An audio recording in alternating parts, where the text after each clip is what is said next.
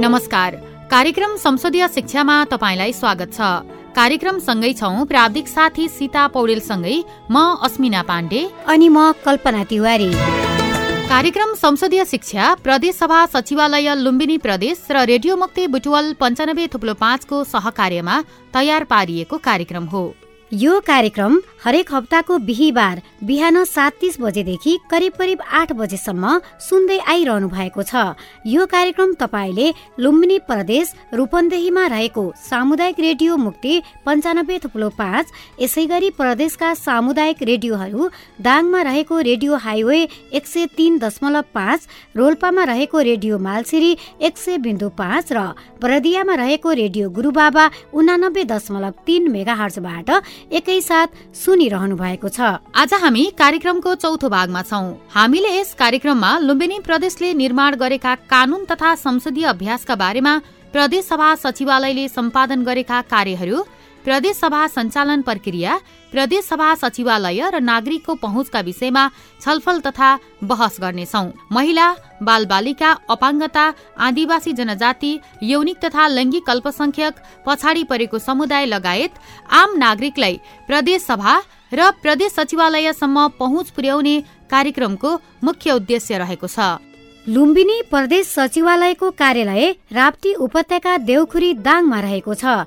तपाईँले लुम्बिनी प्रदेश सभाका गतिविधि बनेका कानून नियमका बारेमा जानकारी लिन चाहनुहुन्छ भने लुम्बिनी प्रदेश सभा सचिवालयको मोबाइल नम्बर अन्ठानब्बे पाँच सत्तरी बहत्तर एक सय तेह्र अन्ठानब्बे पाँच सत्तरी बहत्तर एक सय चौध र अन्ठानब्बे पाँच सत्तरी बहत्तर एक सय पन्ध्रमा सम्पर्क गरेर वा website W W W dot assembly dot Lumbini dot gov dot NP login गरी अध्ययन र जानकारी लिन सक्नुहुनेछ।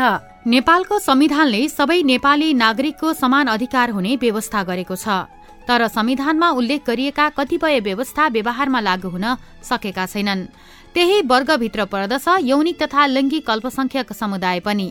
यो समुदायका नागरिकहरू अझै पनि समाजमा अन्य नागरिक सरह स्थापित हुन सकेका छैनन्। त्यसैले आजको कार्यक्रममा हामीले यौनिक तथा लैङ्गिक अल्पसंख्यक समुदायका नागरिकसँग प्रदेश सभाको पहुँचका विषयमा छलफल गर्दैछौ। अब लागौ आजको विषयवस्तुतर्फ। आजको कार्यक्रममा हामीले यौनिक तथा लैङ्गिक अल्पसंख्यक नागरिकले सभालाई कसरी बुझेका छन् उनीहरूका समस्या के छन् र उनीहरूको अपेक्षा के छ त भन्ने विषयमा जनआवाज संकलन गरेका छौं। समग्र प्रदेश सभा एवं प्रदेश सभा सचिवालयमा नागरिकको पहुँचका लागि सरोकारवालाको सुझाव पनि कार्यक्रममा समावेश गर्नेछौ। कार्यक्रमको सुरुवातमा सुनौ प्रदेश सभाबाट निर्माण गरिएका कानूनबारे जानकारी। आजको कार्यक्रमको सुरुवातमा प्रदेश नम्बर पाँच बाल बालिकाको हक अधिकार संरक्षण सम्बन्धमा व्यवस्था गर्न बनेको विधेयकका बारेमा जानकारी दिँदैछौ। यो विधेयक दुई हजार सालमा निर्माण गरिएको हो। जति बेला लुम्बिनी प्रदेशको नामाकरण गरिएको थिएन। आज हामीले सोही विधेयकको बारेमा जानकारी दिँदैछौ। विधेयकमा बाल अधिकारको संरक्षण सम्वर्धन एवं प्रवर्धन गर्दै समग्र बाल बालिकाको शारीरिक मानसिक बौद्धिक संवेगात्मक एवं भावनात्मक विकास गर्न कानूनी व्यवस्था गर्न वाच्छनीय भएकाले लुम्बिनी प्रदेशको प्रदेश सभाले यो ऐन बनाएको छ। यस ऐनमा बाल बालिका र विशेष गरी अनाथ बाल बालिकाको हेरविचार कसरी गर्न सकिन्छ भन्ने उल्लेख गरिएको छ।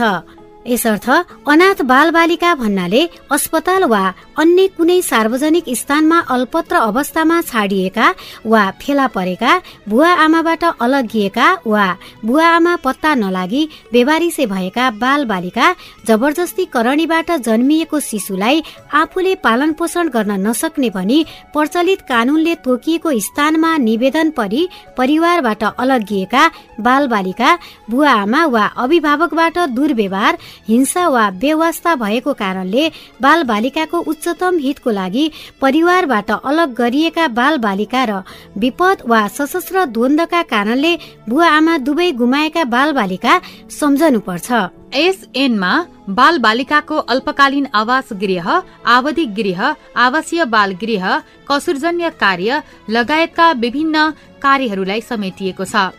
अल्पकालीन आवास गृह भन्नाले बेवारिसे अलपत्र अवस्थामा फेला परेका बालबालिकाका लागि पारिवारिक पुनर्मिलन नगराउँदासम्म वा आश्रयका लागि अर्को विकल्प निर्धारण नहुन्जेलसम्मका लागि बाल बालिकाको संरक्षण गर्ने प्रयोजनका लागि स्थानीय तह वा स्थानीय तहको स्वीकृति लिई निजी क्षेत्रबाट सञ्चालित गृहलाई सम्झिनु पर्दछ आवधिक गृह भन्नाले वैकल्पिक हेरचाहको आवश्यकता भएका बाल बालिकाको संरक्षण गर्ने प्रयोजनका लागि प्रदेश सरकारको वा स्थानीय तहको स्वीकृति लिएर निजी क्षेत्रबाट सञ्चालित गृह हो भनेर सम्झिनु पर्दछ भनी उल्लेख गरिएको छ।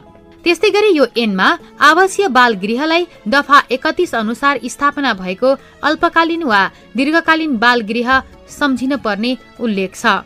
कसुरजन्य कार्यलाई प्रचलित कानून अनुसार फौजदारी कसुरमा सम्झिनुपर्ने। दिशान्तर भन्नाले बालबालिकाको आपराधिक दायित्वको स्वीकार गरेपछि त्यस्ता बालबालिकालाई दण्ड सजाय दिन भन्दा तिनीहरूलाई सुधारका लागि अपनाइने अन्य विकल्पलाई सम्झिनु पर्दछ भनेर पनि प्रदेशले निर्माण गरेको बाल बालिकाको हक अधिकार संरक्षण सम्बन्धमा व्यवस्था गर्न बनेको ऐनले उल्लेख गरेको छ। प्रदेश सभासद हुँदा कस्तो अनुभव गर्नुभयो? लक्षित वर्गको प्रतिनिधित्व गर्दै कानून बनाउने स्थानमा पुग्दा समग्र नागरिकका लागि के गर्नुभयो त भन्ने विषयमा लुम्बिनी प्रदेश सभाका पूर्व सभासद सुनिता ठटेरसँग गरिएको कुराकानी सुनौ अबको क्रममा। तपाईँ लुम्बिनी प्रदेश सभाको सदस्य बन्नुभयो। यो पाँच वर्ष तपाईँ लुम्बिनी प्रदेश सभाको सदस्य बन्दै गर्दा कस्तो अनुभव लिनुभयो? यो बहुत राम्रो कुरा।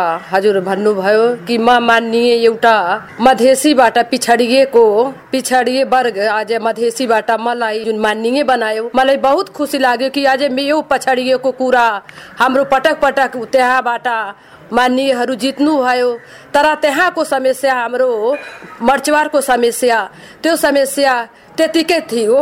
तर मेरो कार्यकालमा यस्तो थियो हाम्रो तिन तहको सरकार बन्दाखेरिमा हाम्रो स्थानीय सरकार जुन छ त्यो स्थानीय सरकारको जस्तो हाम्रो प्रदेश सरकारले बजेट जति गर्दाखेरि स्थानीय सरकारमा जाने स्थानीय सरकारले काम गर्ने तर जनताको जुन स्थानीय सरकार जनताको बिचमा रहने म त मानियो हामी त कानुन बनाउने हो। तर हामीहरूको पनि बजेट आए थियो तर मैले पहिला बजेट आफ्नो पाँच वर्षको कार्यकालमा म पहिला आफ्नो पचास लाख हाम्रो पहिला थियो बजेट तर मैले शिक्षामा पहिला बाटोमा मैले लगाएछु किनकि मर्चुवारी मन्दिर पर्यटकीय एउटा ऊ हो। त्यहाँ पर्यटकीय उसमा बाटोमा हालेछु। तपाईँ मर्चवार क्षेत्रबाट त्यहाँका महिलाहरूको प्रतिनिधित्व गर्दै लुम्बिनी प्रदेश सभाको सदस्य बन्दै गर्दा त्यहाँका महिलाहरूलाई प्रत्यक्ष लाभ हुने गरी कस्ता कुरा संसदमा उठाउनु भयो? हाम्रो यस्तो थियो कि पहिला त महिला भएर अब हाम्रो महिला त गाउँ घरको महिला अब आज पार्टीले माथि उठायो। तर त्यहाँबाट हाम्रो के भयो कि महिलाहरूको हामी एउटा जुन पार्टी पार्टीको हो तर एउटा गठन गर्नु पर्थ्यो कि हामी महिला भएर तपाईँ यो मुद्दामा उठाउनु तपाईँ यो हामीहरू त्यही काम सुरुवात गर्दाखेरिमा कि हामी महिलाहरू एक ढुक हुन? कहिले अब मधेसीको कुरा उठाउने कहिले पिछडियोको कहिले पहाडको कुरा। हामीहरू त्यही गर्दाखेरिमा अब हामी बजेट जुन थियो त्यो बजेट अब थोरै बजेट थियो। थोरै बजेटबाट हामी त्यो महिलाको उसमा त्यति लाने सकेन। प्रदेश सभा सदस्यले विशेष गरी नीति बनाउने हो। तपाईँ ऐन विधेयकमाथि छलफल गर्दा अथवा ऐन बनाउँदा नीति बनाउँदा महिलाको विषयमा चाहिँ कति बोल्नु भयो महिलाहरूको त्यही घरको काम काम काम काज गर्ने हो। तर मलाई अनुभव यो भयो कि महिला पनि एउटा पुरुष र जस्तै महिला पनि हुन्छन्। जति बरु त पुरुषहरू त महिलाको कुरा उठाउन्न पुरुषहरू के सोध्छन् कि महिलाको कुरा छुट्टै हो। तर यो महिलाहरू महिलाहरू कुरा उठाउँछन् कि पुरुष महिला। कति महिला पनि पीडित हुनुहुन्छ कहिले कति पुरुष पनि पीडित हुनुहुन्छ। किनकि महिला पुरुषको पीडा एउटै हो। भनेपछि अवसर पायो भने सांसद हुन कानुन बनाउन सबै जानिन रहेछ भन्ने भयो तपाईँलाई? हजुर अब मलाई सबै अनुभव भइसकेछ कि कानुन अब हामी मान्य भएर हामीहरू कानुन बनाउने हो। कानुन बनाएपछि हामी स्थानीय पठाउने हो। स्थानीयले त्यो काम गर्छन् तर कानुन बनाउने हामीहरू हो मान्नेहरू। संसदमा बोल्नु भयो कि बोल्नु बोलेछु म। छलफलमा बैठकमा कतिको बैठकमा बोलेछु म। के कुरा राख्नुहुन्थ्यो? अब बोल बोल्दा म मै त्यही मर्चुवारको कुरा उठाउँदै थियो कि त्यो मर्चुवारको अहिले समस्या त्यतिकै छ। एउटा बाटो मर्चुवारको बाटो त्यतिकै छ। त्यो बाटोको अब हाम्रो सुत्केरी महिला हुँदाखेरिमा त्यो त्यो बाटो छैन। त्यो बाटोमा लाँदा लाँदा जहाँ दस मिनटको हो भएर हामी जिल्लामा लाग्दाखेरिमा तहाँ एक घन्टा लाग्छ। त्यो बाटोको कुरा उठाएछु त्यो बाटोको पनि बजेट परिसकेछ। त्यो हाम्रो बिथरी बेलबासदेखि मर्चुवार खैरा घाटसम्म त्यसले बनिँदैछ भनेपछि चाहिँ ठाउँमा पुग्यो भने कुराहरू राख्न पाइँदो रहेछ भन्ने अनुभव अनुभव छ पाइँदैछ पाइन्छ सबै। अहिले समस्या के छन् त मेन मर्चवारका महिला? अब मर्चुवारको यो छ कि महिलाहरू धेरै पीडित आफ्नो कुरा भन्ने मिल्दैन। किनकि उहाँको के काम हो महिलाहरूको पढे लेखेको महिलाले शिक्षित छन्। उहाँ पनि शिक्षित भएपछि त पनि घरबाट बाहिर निस्किन दिन्न पुरुषहरू। तर अब धीरे धीरे धेरै अनुभव भइसकेछ महिलाहरूको। मेरो हक अधिकार यही हो। मलाई अब यो हाम्रो स्थानीय सरकार गर्दाखेरिमा हाम्रो पालिकामा कार्यक्रम आउँदैछ वार्डमा आउँदैछन् जुन हाम्रो सिंह दरबार घर दैलोमा गइसकेछ यो अनुभूति भइसकेछ। जस्तो राजनीतिमा महिला किन आउन पर्ने राजनीतिको महिला आउने यस्तो छ पुरुषहरू धेरै दबाव गर्छन् महिलाहरूलाई। कि यो राजनीतिमा गएपछि सबै कुरा थाहा छ हुन्छ महिलालाई। त्यो महिलालाई हामी घरमा त्यो उ गरेर गर्ने हिंसा गर्न पाउँदैन। त्यही महिलाहरूलाई बाहिर निस्किन दिन्न पुरुषहरूले। त्यो जतिखेर बिहानै आठ बजेदेखि आठ बजेसम्म रातिसम्म कामैमा व्यस्त बिचरा। तर काममा व्यस्त हुँदाखेरिमा कहीँ कार्यक्रममा लैजाँदाखेरिमा उहाँहरूसित पैसा हुँदैन। किनकि आर्थिकमा उहाँको अधिकारै दिन्न दिनभरि काम। उहाँहरूको त इच्छा हुन्छ महिलाहरूको कि मलाई राजनीतिमा जाँदाखेरिमा केही कुरा सुन्दाखेरिमा अहिले हामी अनिमा सङ्घको यो के भन्छन् अनिमा सङ्घको एउटा हामी पालिकाको सातौँ वार्डमा हामी महिला गठन गर्दाखेरिमा उहाँहरूको अनुभव हामी धेरै दुःख बुझेछु। त्यो आउँदाखेरिमा बहुत उ गर्ने कि कि हामी अब बुढाले गाली गर्छन् कहाँ हिँडेको। तर हामीहरू सम्झाउँदैछु तपाईँ राम्रो काममा हिँड्नु भयो तपाईँ काम पनि धेरै गर्नुहुन्छ। अब आज एक दिन महिला नरहे भएपछि घरमा घरको स्थिति कस्तो हुन्छ? पुरुष जति पनि हुँदाखेरि महिलालाई चाहियो। जुन घरमा महिला छैन त्यो घरको हालत हेर्नु त के छ घरको हालत? जे होस् तपाईँ सांसद हुँदा तपाईँको घर परिवारले कतिको सघाउनु भयो? म पनि एउटा पीडा भोगेको महिला हो तर पीडा भोगेको महिला हो मलाई राजनीति थाहा थिएन कि राजनीति के हो। कि एउटा नागरिकता थिएन बिहा दर्ता थिएन बुढाले अर्को बिहा गरे थियो छोरा एउटा हाम्रो थियो कसले गर्छ? मेरो दुई हजार बावन सालमा बिहा भयो तर आमा पनि हाम्रो राजनीतिमा लाग्नु भयो थियो। घरको पीडा छ महिलाहरूलाई अब हाम्रो अहिले त अब मान्य पूर्व मान्य भइसक्यो। अब त्यही मधेसी महिलाबाट हाम्रो शान्ति लोध अहिले शान्ति लोध हुनुहुन्छ। अब उहाँलाई यही सल्लाह दिने कि महिलाको कार्यक्रममा विशेष ध्यान दिनुपर्छ। किनकि म पहिला जाँदाखेरिमा अब धीरे धीरे बिस्तारै सिकेछु म कि यस्तो काम गर्ने तर अब आउने वाले दिनमा त्यो उहाँ शान्ति हाम्रो मान्यजी हुनुहुन्छ। उहाँलाई धेरै धेरै म शुभकामना दिन चाहन्छु। कार्यक्रममा हामीले यौनिक तथा लैङ्गिक अल्पसंख्यक समुदायका नागरिकको बुझाइ र अपेक्षा सम्बन्धी जनआवाज पनि संकलन गरेका छौं। सुनौ उनीहरूको आवाज जस्ताको तस्तै। म विनोद त्यति राम्रोसँग बुझेको छैन मैले। मैले बुझेको नीति नियम कानुनहरू बनाउने थलो हो जस्तो लाग्छ। विशेष गरी हरेक समुदाय हरेक जात जाति हरेक वर्णको विषयमा कानुनहरू नीति नियम लागू गर्ने थलो हो अथवा सृजना गर्ने थलो हो जस्तो लाग्छ मलाई। प्रदेश सभामा यौनिक तथा लैङ्गिक अल्पसङ्ख्यक समुदायको पहुँच त मेरो विचारमा सुन्ने नै हो जस्तो लाग्छ। किनभने हामी प्रदेश सभा सदस्यभित्र अथवा प्रदेश सभामा कोही पनि सहभागी हुनुहुन्न। अहिलेसम्म मैले बुझे अनुसार मैले जाने अनुसार महिला पुरुष दलित जनजाति इत्यादि चाहिँ हुनुहुन्छ। यौनिक तथा लैङ्गिक अल्पसङ्ख्यक समुदाय प्रदेश सभामा अहिलेसम्म एकजना नै हुनुहुन्न।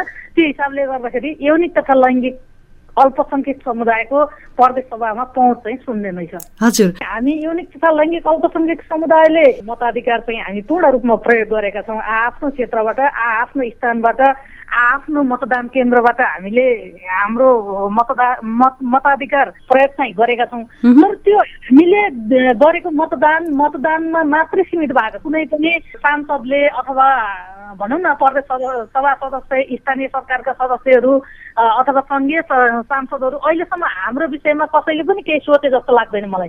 उहाँहरूले मतदान गर्नुभयो उहाँहरूको लागि पनि केही गर्नुपर्छ भनेर सोचेर हामीलाई आत्म आत्मबल बढाउने आत्मविश्वास जगाउने काम चाहिँ कसैले पनि गर्नुभएको छैन अहिलेसम्म।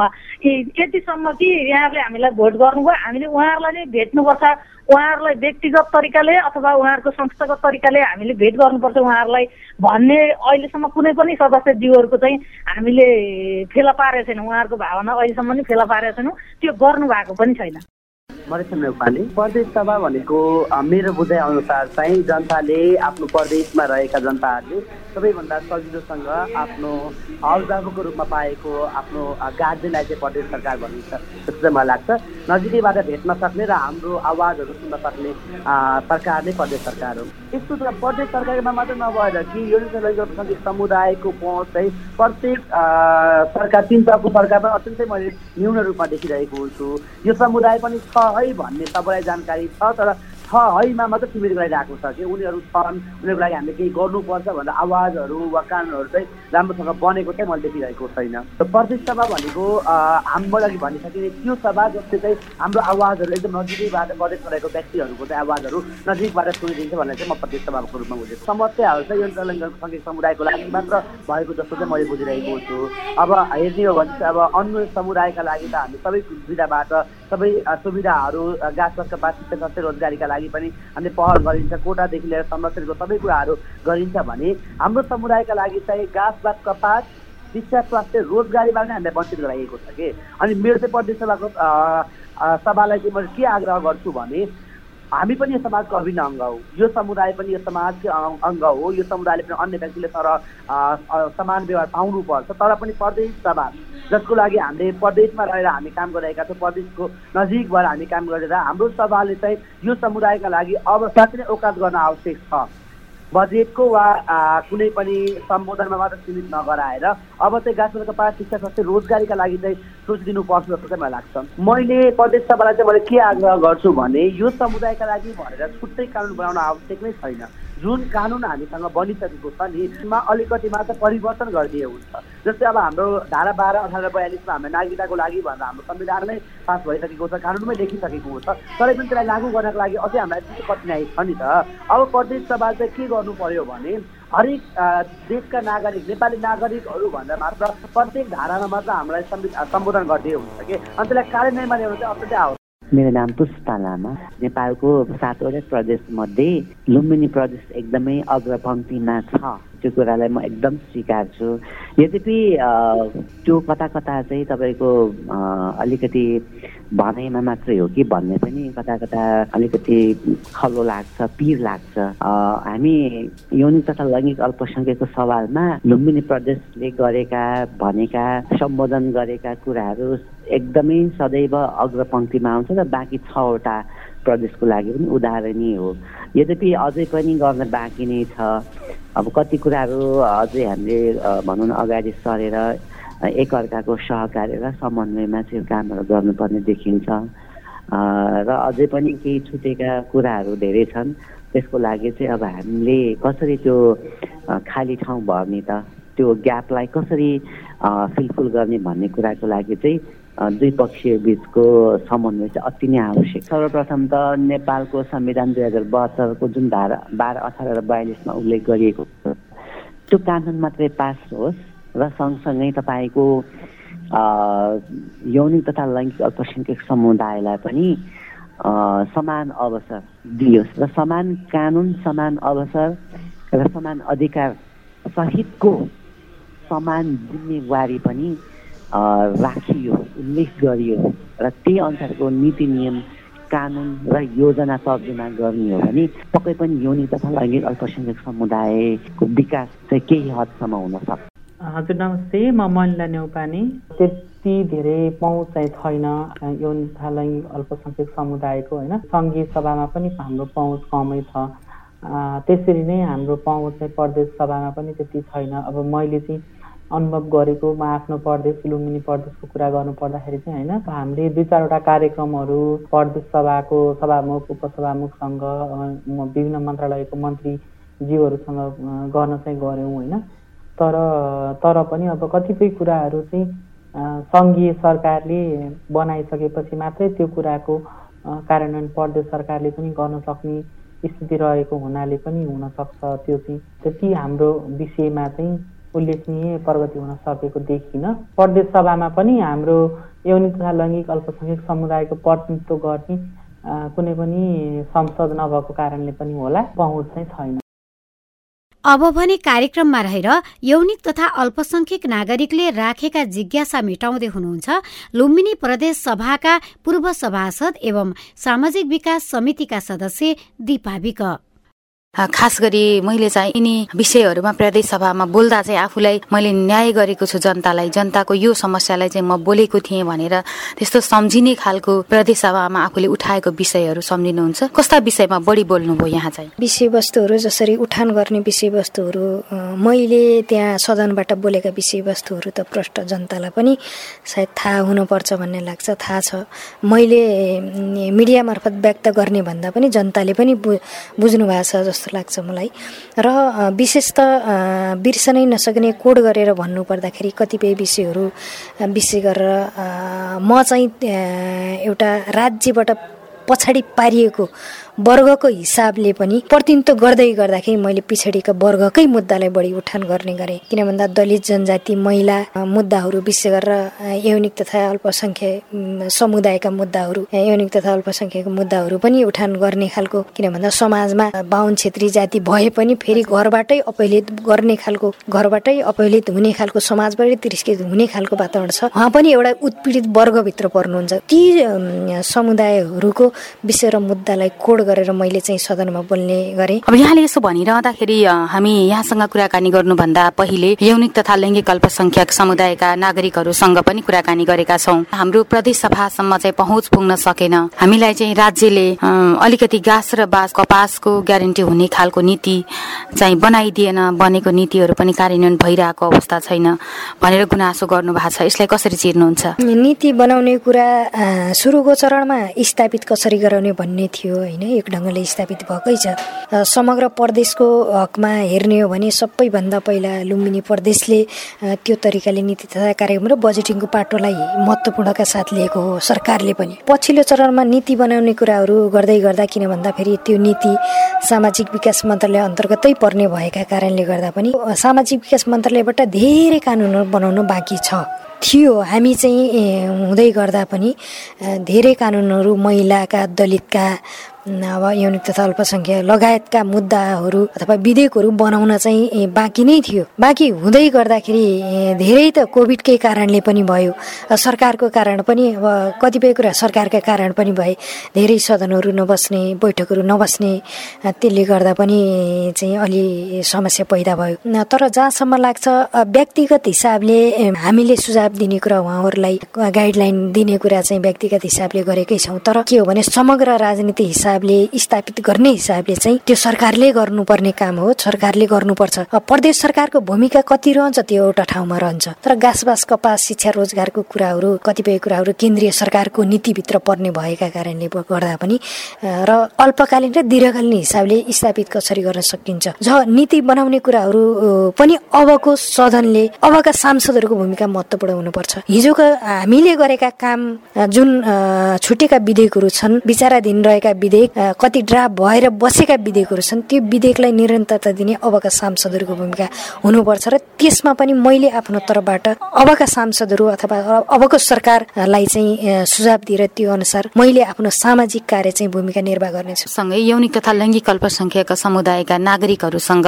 यहाँ जितेर प्रदेश सभामा गइसके पछाडिको भेटघाट यहाँहरूको संवाद कस्तो रहेको थियो? व्यक्तिगत हिसाबले त म एकदमै नजिक किन भन्दा मलाई चाहिँ फेरि जोसँग अलि बढी नजिक भयो। जसले बढी मुद्दा उठायो। विशेष गरेर हामी पछाडिको वर्गले बढी मुद्दा उठाउने गर्थ्यौँ। किन भन्दा यौनिक तथा अल्पसङ्ख्यक समुदायहरूको। त्यो भएको कारणले अलि बढी उहाँहरू चाहिँ नजिक हुने मनै नजिक हुने त्यस्तो खालको अवस्था चाहिँ भयो। उहाँहरूको कुरा सुन्यो भने त एकदम दर्दनाकै छ।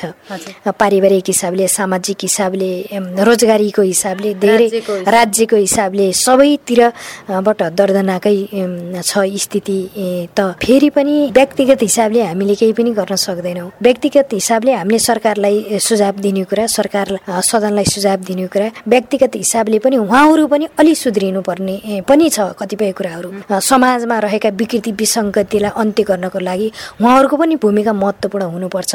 यौनिक अल्पसंख्यक महिला अधिकार कर्मी आनिक राणाको प्रदेशसभा सचिवालय प्रतिको बुझाइ र सभासदलाई दिनुभएको सुझाव सुनौ कार्यक्रम संसदीय शिक्षाको अबको क्रममा। नमस्ते म आने राणा मगर तेस्रो लिङ्गी महिला अधिकार कर्मी अब बन्ने कानुनहरू चाहिँ हामी यौनिक तथा लैङ्गिक अल्पसङ्ख्यक समुदायलाई उत्तरदायी हुने तरिकाले चाहिँ कानुनहरू निर्माण हुनु पर्यो होइन। कानुन भन्दा माथि हामी पनि छैनौँ र कानुनले अहिलेसम्म हामीलाई समेट्न सकेको पनि छैन। कति कानुन बने कति कानुन बनेन भन्ने कुरा पनि हामी अनभिज्ञ छौँ। यसको लागि चाहिँ कानुन निर्माण गर्दाखेरि जसको आँसु उसकै पीडा भने जस्तै समुदायसँगै बसेर छलफल गरेर ती कानुनहरू निर्माण गर्न सकियो भने हामी माथि टेकेर कानुन निर्माण भयो भन्ने कुरा हामीले पनि आभास गर्न पाउँथ्यौँ र कानुन निर्माण भइसकेपछि चाहिँ कानुन बमोजिम चल्ने अवसर हामीले पनि पाउँथ्यौँ। त्यही कारणले चाहिँ यो तथा लैङ्गिक अल्पसङ्ख्यक समुदायको बारेमा कानुनहरू उल्लेख गरेका र बनाउँदाखेरि चाहिँ हाम्रो समुदायलाई राखिएर बनाइयो भने त्यो अझै प्रभावकारी होला। र प्रदेश सरकारको कुरा गरिरहँदाखेरि पाँच वर्ष बिताइसक्यौँ प्रदेश सरकार छ भन्ने कुराहरू सुनेर तर प्रदेश सरकार कहाँ छ कुन अवस्थामा छ के गरिरहेछ भन्ने कुरामा चाहिँ हाम्रो समुदाय चाहिँ अनभिज्ञ रह्यो। अब यस्तो खालको अनभिज्ञता कहिलेसम्म होइन? हाम्रो समुदाय कहिलेसम्म नसमेटिने र हाम्रो समुदायलाई चाहिँ प्रदेश सरकारको आभास हुन चाहिँ किन नपाउने भन्ने एउटा ठुलो प्रश्न चिन्ह हामी आफैभित्र पनि छ। त्यसैले प्रदेश सरकार अब घर दैलोमै भएको सरकारलाई पनि हामीले आवाज अनुभूति गर्न नपाउँदाखेरि नैसर्यतापन चाहिँ आइरहेको छ। अब यो निराशापन नआउनको लागि प्रदेश सरकारले यौनिक तथा लैङ्गिक अल्पसङ्ख्यक समुदायलाई समेटेर अब बन्ने कार्य योजना र नीति निर्माणहरूमा चाहिँ हामीलाई पनि समावेश गराइयो र नीति निर्माण अनुसारै प्रदेश सरकारले चाहिँ बजेट विनियोजन पनि यो समुदायको लागि गर्नुपर्छ जहाँ चाहिँ शिक्षा स्वास्थ्य र रोजगारलाई लिएर चाहिँ यो समुदायको प्रवर्धनका लागि चाहिँ बजेट विनियोजन होस् भन्ने चाहिँ म चाहन्छु। प्रदेश सभालाई मेरो सुझाव भनेको प्रदेश सभा छ भन्ने कुरा हामी सुनेर मात्रै भएन हामीले महसुस पनि गर्न पाउनु पर्यो त्यसैले यहाँहरू चाहिँ अब जुन लैङ्गिक अल्पसङ्ख्यक समुदायको बारेमा जति सुन्नु भएको छ त्यो सुनेर मात्रै भएन। कार्यान्वयनमा उतार्नको लागि यहाँहरू चाहिँ हामीसँग भेटवार्ता पनि गर्नु पर्यो यहाँहरूले हाम्रो सल्लाह र सुझाव पनि लिन जरुरी पनि छ। पक्कै पनि हरेक नागरिकको उत्तिकै अधिकार प्रत्याभूत हुने गरी बनेका कानून कार्यान्वयन र समस्या पहिचान गरी प्रदेश सभामा पुगेका प्रतिनिधिले आफ्ना नागरिकलाई अधिकार प्राप्तिको प्रत्याभूत दिन आवश्यक देखिन्छ। आज हामीले कार्यक्रममा रहेर प्रदेश सभा र सभासदहरूप्रति यौनिक तथा लैङ्गिक अल्पसंख्यक समुदायका नागरिकको बुझाइ एवं जिज्ञासा र सम्बन्धित सरकारवालासँग छलफल गर्यौं तपाईँलाई यो कार्यक्रम कस्तो लाग्यो?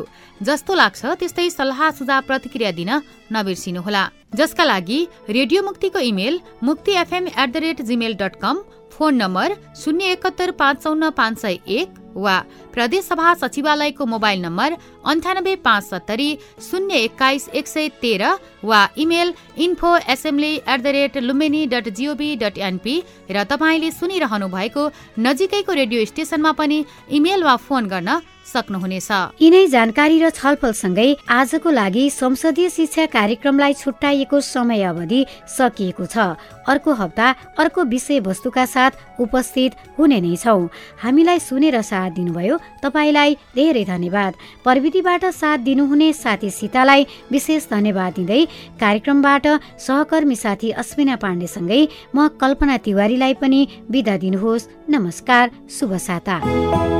प्रदेश सभा सचिवालय लुम्बिनी प्रदेशको व्यक्तिगत विवरण पेश गर्ने सम्बन्धी सूचना प्रस्तुत विषयमा लुम्बिनी प्रदेश सभा नियमावली दुई हजार उनासीको नियम एक सय बयानब्बे बमोजिम नवनिर्वाचित प्रदेश सभा सदस्यज्यूहरूले सोही नियमावलीको अनुसूची नौ बमोजिमको व्यक्तिगत विवरण फारम भरी शपथ ग्रहणका दिन प्रदेश सभा सचिवालयमा बुझाउन अनुरोध गर्दै यो सूचना जारी गरिएको छ। साथै पछि प्रकाशित हुने शपथ ग्रहण कार्यक्रमको समयभन्दा एक घण्टा अगावै उक्त व्यक्तिगत विवरण फारम बुझाई अस्थायी परिचय पत्र प्राप्त गरेपछि शपथ ग्रहणका लागि लुम्बिनी प्रदेश सभाको सभाकक्षमा प्रवेश गर्नुपर्ने बेहोरा अनुरोध छ। उक्त व्यक्तिगत विवरण फारम प्रदेश सभा सचिवालय राप्ती उपत्यका देउखुरी दाङबाट वा लुम्बिनी प्रदेश सभाको website W dot assembly dot Lumbini dot gov dot एनपीको डाउनलोडमा गई प्राप्त गर्न सकिने बेहोरा पनि अनुरोध छ। दुर्लभ कुमार पुन मगर प्रदेश सभा सचिव। पुनश थप प्राविधिक जानकारीका लागि अन्ठानब्बे पाँच एघार अठासी शून्य बत्तीस र अन्ठानब्बे पाँच सत्तरी साठी पाँच सय सत्तरीमा सम्पर्क गर्न सकिनेछ।